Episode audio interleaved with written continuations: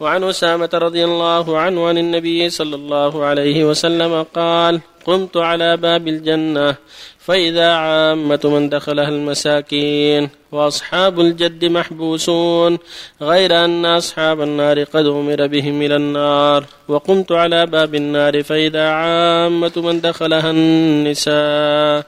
متفق عليه. وعن أبي هريرة رضي الله عنه عن النبي صلى الله عليه وسلم قال لم يتكلم في المهد إلا ثلاثة. عيسى بن مريم وصاحب جريج. وكان جريج رجلا عابدا فاتخذ صومعة فكان فيها. فأتته أمه وهو يصلي. فقالت يا جريج. فقال يا رب أمي وصلاتي. فأقبل على صلاته فانصرفت. فلما كان من الغد أتته وهو يصلي. فقالت يا جريج. فقال أي رب أمي وصلاتي. فأقبل على صلاته فلما كان من الغد أتته وهو يصلي فقالت يا جريج. فقال أي رب أمي وصلاتي.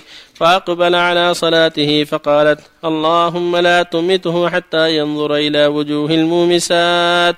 فتذاكر بنو إسرائيل جريجا وعبادته وكانت امرأة بغي يتمثل بحسنها. فقالت إن شئتم لأفتننه. فتعرضت له فلم يلتفت إليها فأتت راعيا كان يأبي إلى صومعته فأمكنت من نفسها فوقع عليها فحملت فلما ولدت قالت هو من جريج. فأتوه فاستنزلوه وهدموا صومعته وجعلوا يضربونه فقال ما شأنكم؟ قالوا زنيت بهذه البغي فولدت منك. قال أين الصبي؟ فجاءوا به فقال دعوني حتى أصلي. فصلى. فلما انصرف أتى الصبي فطعن في بطنه وقال يا غلام من أبوك؟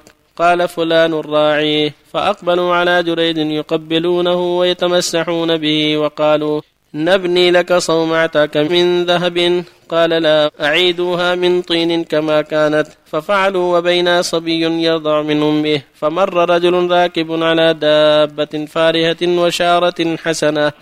فقالت أمه اللهم اجعل ابني مثل هذا. فترك الثدي وأقبل إليه فنظر إليه فقال اللهم لا تجعلني مثله. ثم أقبل على ثديه فجعل يرتضع فكأني ينظر إلى رسول الله صلى الله عليه وسلم وهو يحكي ارتضاعه باصبعه السبابة في فيه. فجعل يمصها قال ومروا بجارية وهم يضربونها ويقولون زنيت سرقت وهي تقول حسبي الله ونعم الوكيل. فقالت أمه اللهم لا تجعل ابني مثلها. فترك الرضاع ونظر إليها فقال اللهم اجعلني مثلها. فهنالك تراجع الحديث فقالت مر رجل حسن الهيئة فقلت اللهم اجعل ابني مثله. فقلت اللهم لا تجعلني مثله. ومروا بهذه الأمة وهم يضربونها ويقولون زنيت سرقت فقلت اللهم لا تجعل ابني مثلها. فقلت اللهم اجعلني مثلها. قال إن ذلك الرجل كان جبارا فقلت اللهم لا تجعلني مثله وإن هذه يقولون لها زنيت ولم تزن وسرق وسرقت ولم تسرق فقلت اللهم اجعلني مثلها متفق عليه.